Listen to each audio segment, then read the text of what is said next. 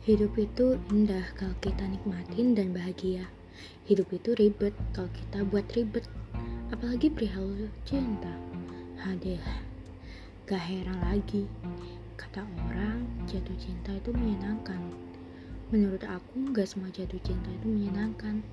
Malah justru menyeramkan. Buat kalian yang udah jatuh cinta ke orang yang tepat, ya jelas menyenangkan. Sedang kita yang jatuh cinta sebatas teman dan sialnya terjebak perasaan. Ribet gak karuan? Kamu balas chat fast respon sedang dia slow respon. Kamu selalu ada sedang dia hilang entah ke mana. Mungkin kamu cuma jadi pendengar tanpa harus kembali didengar. Kamu hanya teman tanpa perlu perasaan. Dan kamu masih bertahan tanpa kejelasan.